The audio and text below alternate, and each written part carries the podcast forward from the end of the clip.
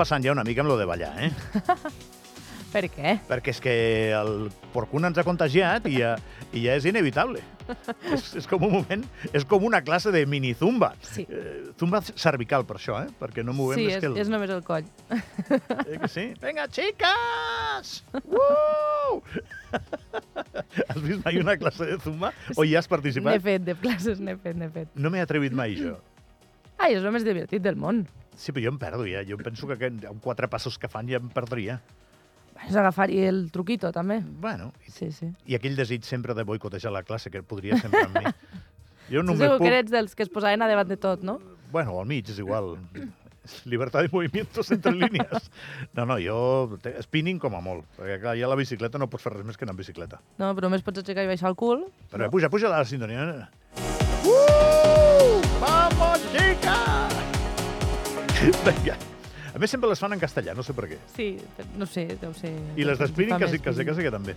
Vinga, anem al, anem al tema, al matòmetre. Anem al matòmetre. Avui us portem, re, quatre temàtiques eh, molt curtetes. Una d'elles, la primera que hem sabut aquest matí, una, un usuari a X que ha demanat al Departament de Mobilitat que revisin les càmeres, donat que un vehicle s'ha encastrat contra un edifici, parlem de la càmera Soldeu Sud, Sí? a les 2 i 10 de la matinada a causa de la neu ha xocat contra l'edifici i després ha continuat la marxa. La, les imatges que publicava aquest usuari era justament veient les traces dels pneumàtics en el moment en el qual s'empotre contra l'edifici i, i torna a marxar. Veurem quina és el, la resposta del Departament de Mobilitat perquè estarà bé saber què és el que, què és el que ha passat.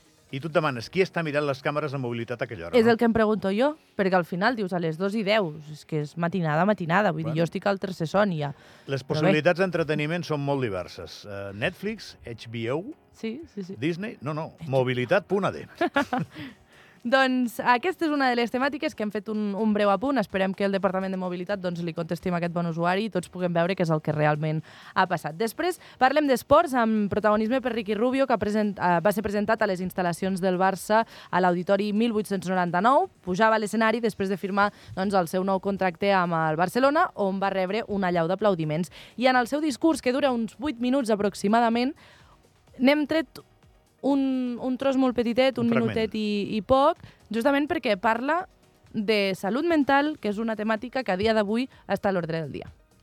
he estat 18 anys com a professional, mai havia tingut una situació així i entrar a un vestuari així doncs, no és fàcil i m'han acceptat eh, increïble, m'han acceptat eh, i m'he sentit respectat i, i entenent la meva situació. No? I per últim també volia agrair família, amics, eh, sobretot també a la meva dona, a la meva, al meu fill. Crec que quan passes per un moment així, eh, les coses són difícils, però tenir i sentir que no estàs sol et fan tirar endavant. No? Dit això d'agraïments, també us volia explicar una mica el, el que ha passat o com ho he entès jo.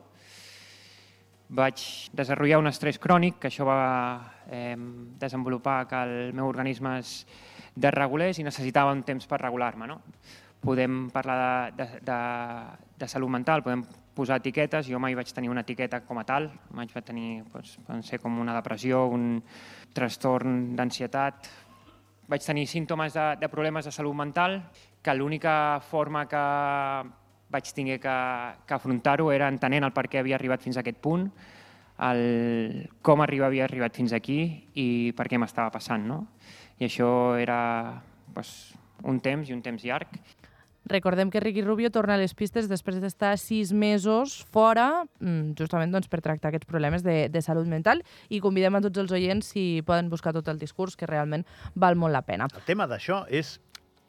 I, I queden per sempre aquests discursos i aquestes persones perquè obren camí. Mm -hmm. Com eh, el cos... Bueno, el cos, la ment és el cos també, eh? T'indica que has de parar de fer allò que més t'agrada. És molt curiós, eh? Doncs sí, Ho perquè al final eh? arribes a un punt de saturació que, que el teu cos diu prou. És, és que I l'hem d'escoltar, perquè això és el més important. L'ésser humà és un misteri tan gran Correcte. Per exemple, el, el que més li agrada. M'imagino que li agradarà a la família, li agradaran moltes coses, també, no? Mm. Però, hipotèticament, el que més recompensa la vida de Ricky Rubio és jugar a bàsquet. Correcte. I has, has de parar de jugar a bàsquet una mica per després tornar a ser feliç, perquè estàs atrapat. I després torna a estar bé.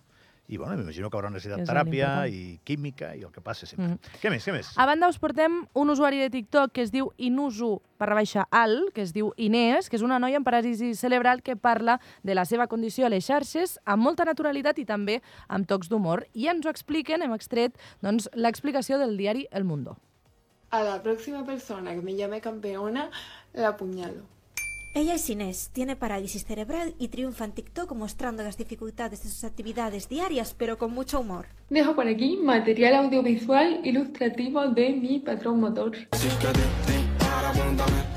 Habitualmente la llaman campeona, le dicen que es un ejemplo a seguir, pero a Inés no le gusta esa condescendencia, aunque sea con la mejor intención. Si tú ves a una persona que está a punto de caerse al suelo, pero mm, tira para adelante, pues a ti te da como energía para seguir con lo tuyo. Pero es que yo solo intento ser una persona funcional y vivir mi vida. Si bien su reflexión se ha vuelto viral en TikTok, Inés conquista las redes mostrándonos cómo con sus habilidades motoras reguleras se echa Te ritmo. preguntarás, ¿tú estás viendo lo que haces? Claramente no, yo estoy concentrada en no sacarme el ojo con el palo. O cómo se pinta las uñas. Salgo todo por fuera, entonces tengo que elegir eh, colores y cosas que sean lo más discretas posible. Pero chica, que todos los problemas en la vida sean estar limitada a usar purpurina. Que termina haciéndolo incluso con la boca. Si no te pintan las uñas es porque no quieres. Y siempre lo hace con la ironía y espontaneidad que la caracteriza. Inés es logopeda, pero también sueña con ser artista y modelo. Por ello, no ha dudado en hacer un vídeo para pedir a las agencias de modelos una oportunidad. Mi cara dura y yo estamos aquí para pedir que se me incluya. Pese a las dificultades de su día a día, siempre se toma cada reto con humor, arrancando una sonrisa a todos sus seguidores. Hay un camino para correr, que correr es de cobardes, por eso yo voy en triciclo. La más chula.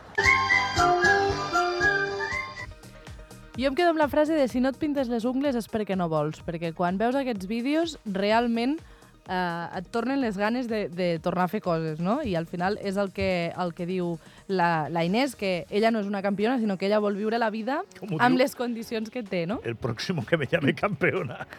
Le arranco los ojos o algo així he dit, no? És molt divertit. Sí, sí, sí, la veritat és que sí. Però bé, uh, us recomanem també que, que busqueu aquest usuari a TikTok, inusu barra baixa al.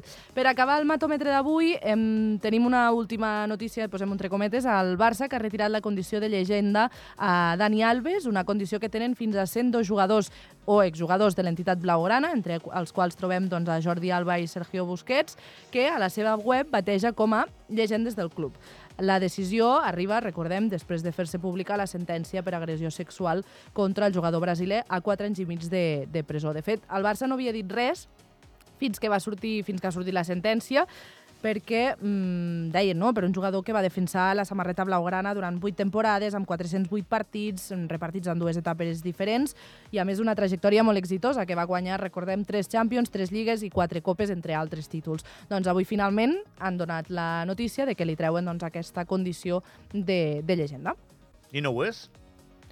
És el que parlàvem l'altre dia, vull dir, una cosa és el, el que tinguis com a reconeixement eh, esportiu i l'altre és com a mm, reconeixement de vida, no?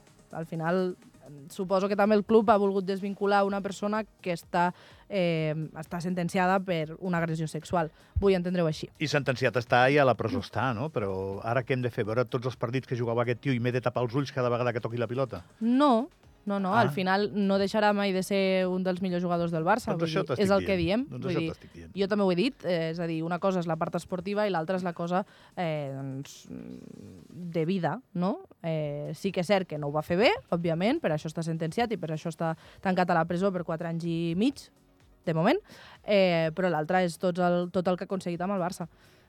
D'aquí a que el club el vulgui seguir tenint com una llegenda pel que això pot justificar-se de cara a la premsa de tenir una persona llegenda que ha fet això, doncs és, Una és discussió, una discussió interessant. Sí. Gràcies, Anna. Que vagi bé fins Vinga, ara. fins aquí el matòmetre.